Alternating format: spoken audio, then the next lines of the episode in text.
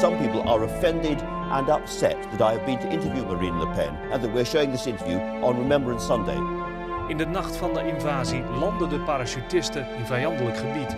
A masked gunman opened fire with an automatic weapon, shooting through windows at a cafe and restaurant in the same street. Eigenlijk sinds de oprichting van Duitsland, sinds de, de eenwording van Duitsland, hebben Frankrijk en Duitsland een grondige hekel aan elkaar. Ja. Hoe komt dat? Ja, dat heeft ook weer alles met wat er in het verleden, in de geschiedenis zich heeft afgespeeld. Dan ga ik heel ver terug. Karel de Groot heb je wel eens van gehoord, zo rond 800, die stierf in 814. En dan heb je nog Lodewijk de Vrome en dan heeft hij drie zoons en die moeten dan dat rijk verdelen. En dan krijg je een verdeling tussen Karel de Kale, heeft niks te maken dat die vent uh, een kale kop had, maar die kwam er kaal, die kwam er bekaaid van af. En dat is dan eigenlijk het West-Frankische Rijk geworden. Ze kregen veel minder. Dan had je nog uh, die kreeg het uh, Middenrijk, waar ook Lotharingen in lag. Daar komt die naam ook nog vandaan. En dan had je nog Lodewijk de Duitser, die er veel beter van afkwam. En dat was dan het Oost-Frankische Rijk. Later zeg maar het latere Duitsland. Dus dat is één reden, toen al. 843, verdelingsverdrag van Verdun. Wat ook een plaats een hele groot, die een hele grote rol heeft gespeeld ook bij de Frans-Duitse oorlog van 1870-71 en ook weer in de Eerste Wereldoorlog. Echt een, een, een, soort heilige plek in de ogen van de Fransen, dat moest hun gebied zijn. Daar waren ze toen al vernederd. En dan natuurlijk de Frans-Duitse oorlog van 1870-71, dat uh, ja, geweldige uh, nederlaag die ze toen geleden hadden, dat zat ze dwars, revanchisme. En dan ook nog eens een keertje dus uh, de Eerste Wereldoorlog, waar vele ja, honderdduizenden, ik weet niet precies hoeveel Fransen zijn omgekomen, maar ik denk dat dat toch gauw ook een, een paar miljoen zijn geweest. Die haat, die zit immens diep ook, uh, zat toen immens diep uh, ja. richting de Duitsers. En dan is de juiste politicus, de juiste gebeurtenis en de juiste term en dan, uh, dan is het ja. kruidvat ontploft. Dan is er een korte periode van vrede. nou, we weten inmiddels in Duitsland komt het nationaal socialisme op, is het de beurt aan Hitler. Um, maar hoe was dat in Frankrijk? Speelde dat daar ook? Dat heb ik wel vaak gemerkt in gesprekken dat de meeste mensen altijd uh, met de beschuldigende vinger richting uh, Duitsland wijzen, dat daar het uh, antisemitisme de kop op steekt en het fascisme. Maar dat had je ook in Frankrijk. Al meteen heel kort na de Eerste Wereldoorlog stak ook dat in Frankrijk de kop op. veel Franse soldaten, als ze heldhaftig gevochten hadden, die hadden dan van de legerleiding een croix de guerre gekregen. Een soort herinneringskruis aan uh, wat ze hadden gedaan in de oorlog, een onderscheiding. En er is dan een groep onder leiding van een zeker François de La Roque en die richt dan op een groepering Le Croix de Feu. De kruisen van vuur eigenlijk. Uh, ook symboliserend dat uh, die soldaten in de Eerste Wereldoorlog zwaar onder vuur hadden gelegen en veel hadden geleden enzovoort. En dat is dan hun naam geworden. ze hebben een stel mensen die alles op zich nemen om grote optochten te gaan organiseren. Ze droeg geen uniform en wapens, moet ik eerlijk zeggen. En uh, ze wilden ook een einde maken, die lui. Die waren zeer nationalistisch aan die verdeeldheid in Frankrijk. En uh, wel natuurlijk altijd dat uh, grote wantrouwen richting Duitsland. Dat is één groepering. Le Croix de Feu. Je kunt het, sommigen hebben het wel eens een keer vergeleken met de Ku Klux Klan in Amerika, die ook zo'n beetje na de Eerste Wereldoorlog de kop opsteekt. Weer, het was al eerder. Dat is echt extreme groepering dus. En dat ze ook brandende kruisen hadden bij de Ku Klux Klan. Sommigen zeggen dat het van uh, Croix de Feu is afgekeken. Dat weet ik niet of dat echt zo is, dat betwijfel ik. Maar dan had je ook nog een andere groep, Action Française, van een zekere Charles Maurras. En die waren zeer nationalistisch, zeer conservatief, vaak ook aards-katholiek. En uh, die hadden een geweldig grote hekel ook aan, komt het al, aan Joden, aan protestanten, aan buitenlanders, xenofobie. En uh, met name ook aan de parlementaire democratie. Frankrijk had je vaak parlementaire crisis enzovoort. Er moest eigenlijk één sterke man komen. En die hadden wel, in tegenstelling tot de, de Croix de Feuille aanhangers, die hadden wel ook groeperingen die al met een uh, soort uniformen liepen. Die noemden zichzelf de Camelot de Roi. Dat zijn eigenlijk de venters van de koning, studenten met uh, wapenstokken en al dat soort dingen meer. En boksbeugels die echt ook uh, Joden en andere tegenstanders afrost. Het was dat, echt heel sterk in, in Frankrijk tussen dat, de Eerste, twee, ja. Eerste en Tweede Wereldoorlog. Dat klinkt wel een beetje als, uh, als de SS onder Hitler in de jaren ja? 30, toch? Nou, dat gaat een beetje weg, maar het had wel die trekjes. Zeer ja. zeker. Ja. ja. Als we naar de Eerste Wereldoorlog, de Tweede Wereldoorlog toe gaan, kijk, in, in, in, in Duitsland zet dat op een gegeven moment door, in Frankrijk niet, neem ik aan ja, ik denk toch, in uh, Frankrijk heb je dan ook nog een keertje het Volksfront. Dat is in de jaren 30, dat, was ook weer een Jood, Leon Bloem. Dat heeft ook heel veel haat opgeleverd bij rechtse krachten. En die wist toen een links volksfront te maken. De Republikeinen, de Socialisten, de Communisten, die dan tegen de Nationalisten en Royalisten weer opnamen. En in diezelfde tijd speelde ook nog de Spaanse burgeroorlog, 1936, 1939. Het is een regering geweest die helemaal niet sterk was. Heel veel tegenstand was er. maar dan, ja, terwijl ze nog eigenlijk aan het rommelen zijn in het binnenland, breekt opeens natuurlijk ook de oorlog uit op 1 september 1939. En dan, uh, ja, dan valt het een beetje stil in Frankrijk. Onderhuids leeft het nog wel. Maar dan breekt de oorlog uit en dan verklaart ook Frankrijk op 3 september 1939 aan Duitsland de oorlog. Ja. Dus toen uh, heeft dat natuurlijk al die tegenstellingen toch wel uh, overstemd. Precies. Um, dan in de, eerste, in de Eerste Wereldoorlog werd Frankrijk nog gered door de taxis. Um, in de Tweede Wereldoorlog um, ja, lukt dat niet. Sterker nog, we worden eigenlijk opnieuw gewoon compleet van de kaart geveegd door, uh, voor een groot deel door Duitsland. Um, hoe komt het dat Frankrijk in die jaren uh, bijna stil heeft gestaan? Ja, Frankrijk heeft een heel andere tactiek dan, uh, dan, dan Duitsland. Uh, Frankrijk is altijd meer defensief ingesteld geweest. En die hadden met name ook uh, de grens, de oostgrens met Duitsland, hadden ze geweldig versterkt. Ik weet niet of je wel eens gehoord hebt van de Maginot-linie. Nou, dus als je een keer in Frankrijk bent, dan zou je bepaalde delen kun je bezoeken. Dan zou je dat moeten doen. Allemaal laag onder de grond. En er reden treintjes. Je had er hospitalen, je had de winkels, je had de bibliotheken. Alles onder de grond. En dat was van, zeg maar, van België tot aan Zwitserland. Was dat gewoon hermetisch, dachten ze, afgesloten voor de Duitsers. Maar wat deden de Duitsers? Net als in de Eerste Wereldoorlog. Ze gingen er omheen. Weer via Nederland nu ook en België. Maar ze gingen ook er overheen met de vliegtuigen. Waar de Fransen totaal niet op bedacht waren. Dus... Uh, wat dat betreft uh, werkte dat totaal niet. En in die hele snelle blitzkrieg die de Duitsers toen uh, al heel snel gewonnen hebben, wisten ze de Fransen inderdaad eigenlijk op de knieën te drijven. En op 22 juni 1940 moesten al inderdaad in Parijs ook de Fransen eigenlijk capituleren. Handjevol is nog, komen we later denk ik wel op, uitgeweken naar Engeland onder leiding van de Gaulle. En dan krijg je dus inderdaad dat met name ook Frankrijk wordt bezet door de Duitsers. En misschien toch wel goed om te vermelden die Duitsers dachten, we gaan niet in heel Frankrijk, het is een onwijs groot land, dat weet je wel als je er doorheen rijdt. We gaan alleen maar het noorden en de grenzen gaan we bezetten en Parijs. En de rest van het land, dat laten we eigenlijk uh, ja, een beetje braak liggen. Dat, mogen de Fransen dan wel uh, besturen. En toen is daar een Vichy-regime gekomen, onder leiding van Maarschalk Pétain. Maar dat was eigenlijk gewoon een, een satellietstaat van Duitsland, toch? Dat was gewoon, en dat was een held uit de Eerste Wereldoorlog. Maarschalk Pétain, op handen gedragen, geëerd na de Eerste Wereldoorlog. En die ontpopt zich hier gewoon als een marionet in de handen van Nazi-Duitsland. En die heeft toen in Vichy, in het zuiden van Frankrijk, heeft hij daar zijn hoofdkwartier gesticht. En er uh, is echt uh, van alles gebeurd onder zijn bewind dat men daar ook jacht maakte op Joden. Ik weet niet wat gehoord heeft van Klaus Barbie, een SS'er die Lyon vreselijk huishield. Die had de bijnaam de slachter van, uh, van Lyon. Werd jacht gemaakt op de Joden. Fransen werkten eraan mee. Geweldig veel collaboratie speelde zich af in het Vichy-Frankrijk gebied.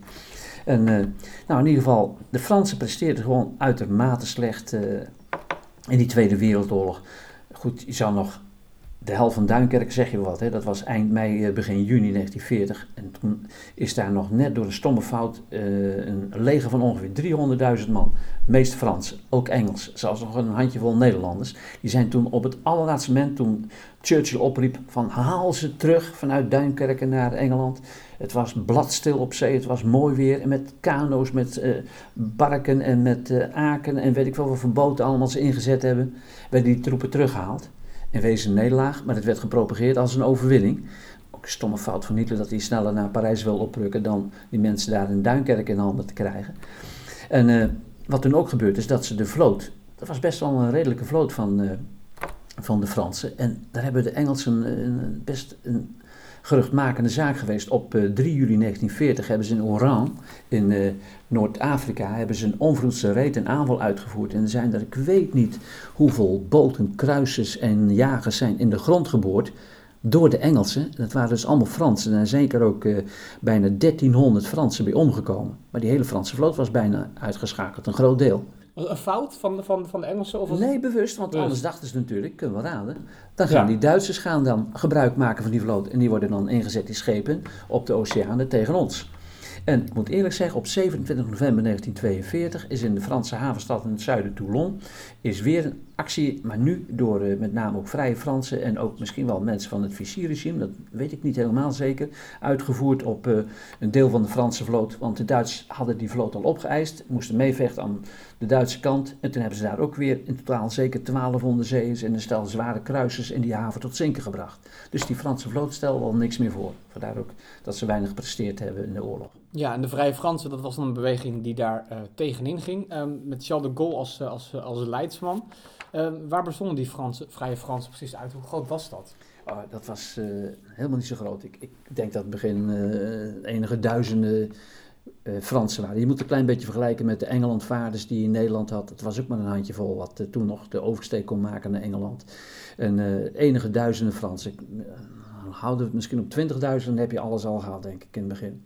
Dus meer symbolisch eigenlijk? Ja, het was meer symbolisch en die werd ook helemaal niet voor vol aangezien, uh, de goal.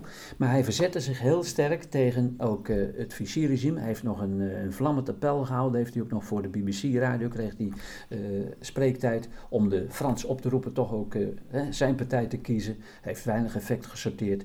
Maar hij wilde toch wel proberen ook om met name een kleine, kleine Engelse legermacht te maken. Ik geloof dat hij in totaal 7000 soldaten had en 50 schepen en 3600 eh, marinemensen heb ik ergens een keer opgezocht. En, moet ik eerlijk zeggen, ze kozen partij voor de geallieerden en ze hadden het geluk dat ook veel Franse kolonies ook de zijde van uh, de Vrije Fransen kozen en niet van uh, Nazi-Duitsland en het Vichy-regime. Ja, um, en die hadden natuurlijk ook wel enige vrijheid om te kiezen, want ja, die zou niet direct worden aangevallen. Ja. Um, dan, dan loopt de oorlog af. Uh, als we de jaren daarna in Europa bekijken, dan uh, valt bij Frankrijk, vind ik iets op, dat is de Algerije-crisis. Uh, waar gaat die precies over? Ja, Algerije was al vanaf 1830 was dat een kolonie van, van Frankrijk geworden. En daar hebben zich natuurlijk in de loop der tijd heel veel Fransen gevestigd, die daar grote boerderijen hadden, een landgoederen hadden. En dan zie je dus dat uh, en de Eerste en de Tweede Wereldoorlog uh, natuurlijk uh, gevoed hebben. En met name in die beide oorlogen is de rol van Japan heel belangrijk geweest. Japan heeft ook in de Eerste Wereldoorlog meegevochten in het Verre Oosten.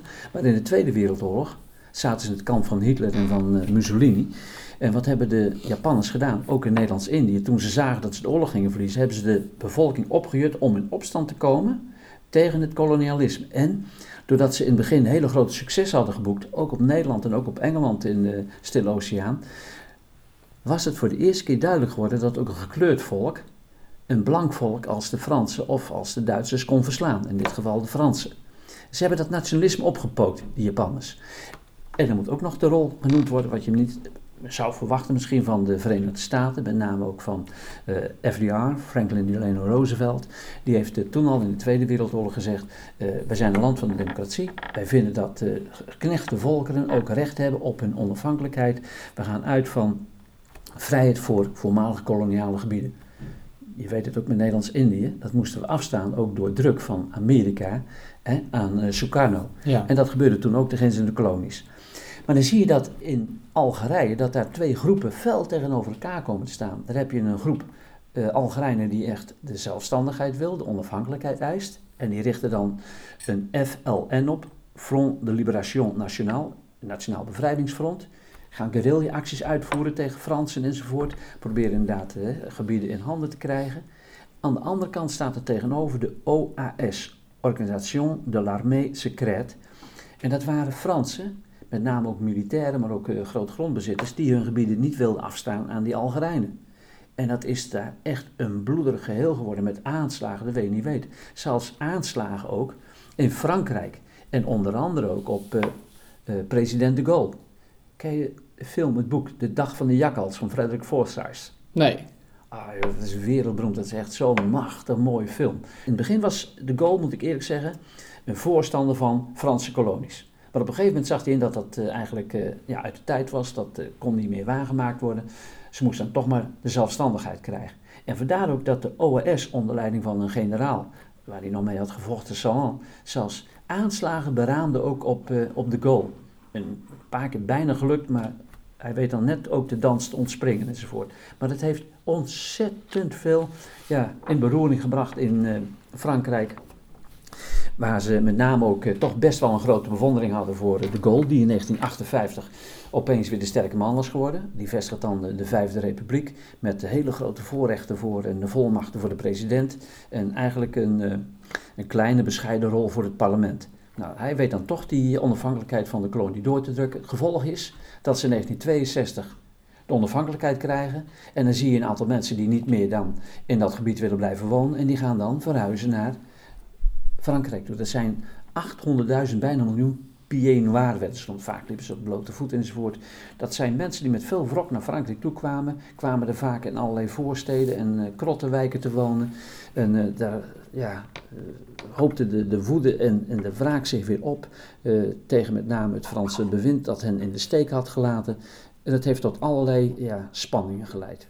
Ja, en je, je, noemde het al even hoor, dat, dat, dat inderdaad bijna een miljoen Algerijnen naar Frankrijk um, um, zijn. Ook Frans, hè? Er waren ook mensen met een, ja, wat ja. wij dan tegenwoordig noemen met een dubbel paspoort. Precies, ja, precies. Um, altijd altijd uh, actueel.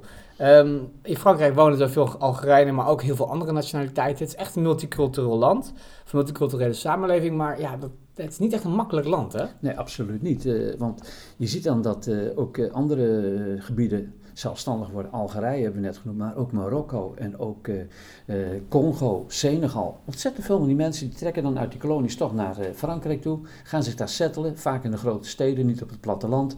En die worden daar in bepaalde wijken gepropt, sterke segregatie. En die nemen ook natuurlijk een eigen godsdienst mee. En die gaan daar moskeeën gaan ze stichten en ze gaan daar islamitische scholen stichten. En ze voelen zich, dat raad je al, net als ook een aantal minderheden hier in ons land, dat zie je nu weer met die Turkenrel rond Erdogan. Ze voelen zich uh, achtergesteld binnen de Nederlanders. Hè. Nu op het ogenblik veel Turken. Ik de krant vandaag weer en wij worden gediscrimineerd. We worden niet voor vol aangezien. We zijn in de ogen van de Nederlanders geen echte Nederlanders. Dat had je ook bij die mensen die in, in Frankrijk wonen. Ja, en, en um, brengt dat dan ook aan, aan de andere kant van, van de medaille het nationalisme met zich mee? Als je, ik heb bij de Fransen altijd wel het gevoel, en dat is misschien, ook wel, misschien is het ook wel een beeld dat de Nederlanders uh, sowieso hebben over Fransen maar met de Tour, 14 juillet, uh, Tour de France. Het, dat het wel een land is wat het stempel nationalistisch heeft. Is dat Ja. dan ook terecht? Dat is wel terecht. Eh, aan de andere kant, ja, Fransen zijn zeer nationalistisch. Eh, ik wou wat vertellen ook over eh, de contacten van Putten met, met Orendoer enzovoort. Eh, dan vinden ze altijd dat eh, wat er in Orendoer is gebeurd veel erger is dan in Putten in de oorlog enzovoort. Frank, Frankrijk, nog een keer, hun eigen land gaat echt voorop. Maar je moet wel onderscheid maken tussen staatsnationalisme in Frankrijk en etnisch nationalisme. En dat etnisch nationalisme, dat zie je heel sterk kop opsteken bij vader Le Pen en dochter Marie Le Pen. En dat is echt eh, een, ja, een vorm van eh, nationalisme die zeer racistisch is. Xenofoob, eh, zich letterlijk afzetten ook tegen de Joden, tegen andere buitenlanders. Die Le Pen, die vader Le Pen, heeft gewoon gezegd: de Holocaust, ach, dat is een, eh, een klein detail in de geschiedenis. En ik heb een bedenking bij of het allemaal wel waar is wat daar gebeurd is. Ja, daar heeft Marie Le Pen afstand van gedaan. Daar heeft de Marie Le Ja. Pen afstand van genomen. Het staatsnationalisme is dat je een echte citoyen moet zijn, dat je een echt staatsburger moet zijn, dat je ook, nou in ieder geval ook de Franse taal spreekt, wat wij natuurlijk ook hè, kennen met de inburgeringscursus, dat je de Franse waarden en normen en gewoontes moet overnemen, dat je de geschiedenis kent, de taal kent, al dat soort dingen meer. Wat dat betreft eh, een tegenstelling met dat etnisch nationalisme, wat op het ogenblik toch best wel een hele, ja, op een golf zit en eh, echt heel veel aanhangers kent in Frankrijk. Ja. En Bij de komende presidentsverkiezingen zal het inderdaad een spannende strijd worden tussen, ik denk, Marie Le Pen en Macron, wat dan een onafhankelijke kandi- kandidaat is, een kandidaat uit het midden. Ik denk dat Fillon niet zo'n grote kans zal hebben, maar dat zal het waarschijnlijk gaan worden. En Ja, ik mag hopen dat Macron het wordt en niet eh, Marie Le Pen. is genoteerd. Ehm, de afgelopen jaren is Frankrijk ook, ook enorm zwaar getroffen door terroristische aanslagen. Eh, dat moet ook een enorme impact hebben op de Franse bevolking. Ja, eh, mijn dochter Beatrice wordt er ook wel eens een keertje op bevraagd eh, bij televisieuitzendingen. En die heeft het ooit een keertje goed gezegd, denk ik ook, dat er best wel een aantal oorzaken zijn te noemen waarom met name die grote aanslagen in, in Frankrijk plaatsvonden. Natuurlijk ook in Madrid en ik weet ook wel dat het ergens anders gebeurde. Eh, pas weer in Berlijn dan, hè, met die kerstmarkt. Maar dat heeft alles te maken met het koloniale verleden van, eh, van Frankrijk. Dat er heel veel Algerijnen, Tunesiërs, Marokkanen ook in eh, Frankrijk wonen. En die voelen zich achtergesteld, die zijn gefrustreerd. Een ander punt is dat Frankrijk altijd een hele voorname en belangrijke rol heeft gespeeld met het bombarderen door NAVO-troepen ook van met name IS-doelen in het Midden-Oosten. En dat zit er dwars dat de Fransen dat doen. En bovendien natuurlijk die grote islamitische minderheid in Frankrijk, die zich, wat ik al vertelde, gediscrimineerd en achtergesteld voelt. En die, die gewoon letterlijk zeggen: Frankrijk, dat is een uitspraak eh, van een zo'n IS-aanhanger in, in, Frankrijk geweest. Frankrijk is de speeltuin van de Satan. Daar moeten wij wat tegen doen. Ja. Um, volgens mij moeten we het hierbij houden. We zijn, uh, we zijn uh, dik over de tijd heen. Frankrijk is natuurlijk ook een enorm interessant land om, om even tijd aan te besteden. Ehm, even te Graaf, bedankt voor deze uitleg over Frankrijk. Volgende week zijn we er weer en dan gaan we het hebben over Griekenland.